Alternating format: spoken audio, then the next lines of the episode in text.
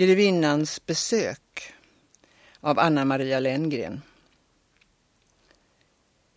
Bevars vilket fläng, både ute och innan. Hos prästens var stoj och var stök.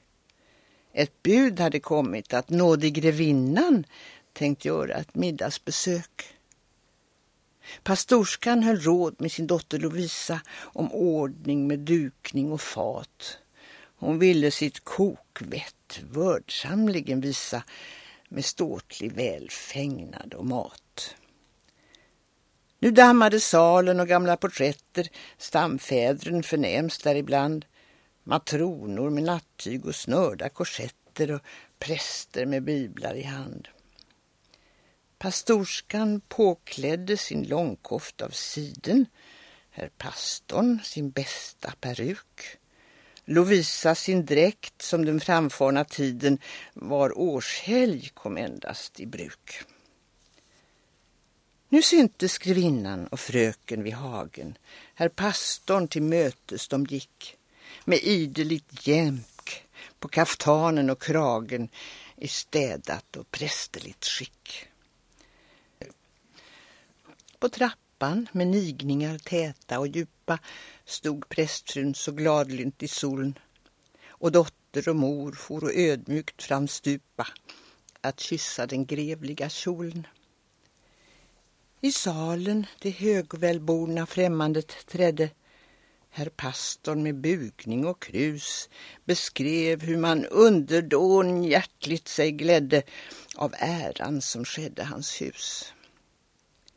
Det grevliga herrskapet fördes till bordet, Guds gåvor det fältes ej där.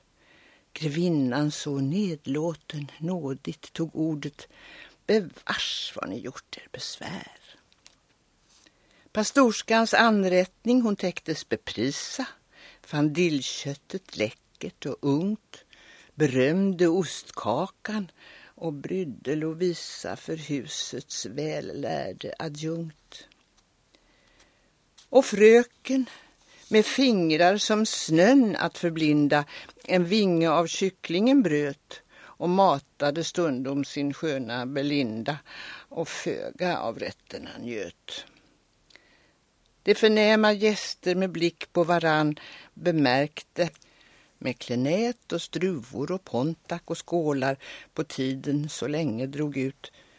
Det grevliga herrskapet satt som på nålar. Men äntligen tog måltiden slut. In kom hon nu plantor, solbrända och feta, framhavda av mor och av far.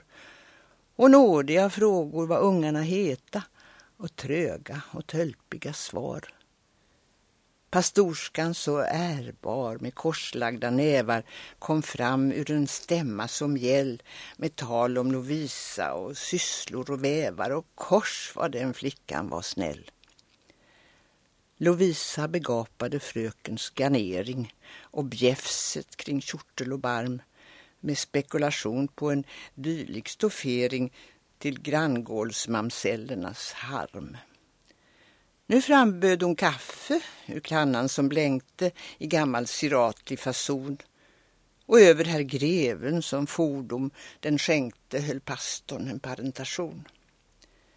Om stora bedrifter nu skar han i växten med vältaligt krångel och bråk och kryste förståndet och späckade texten med skrifternas heliga språk.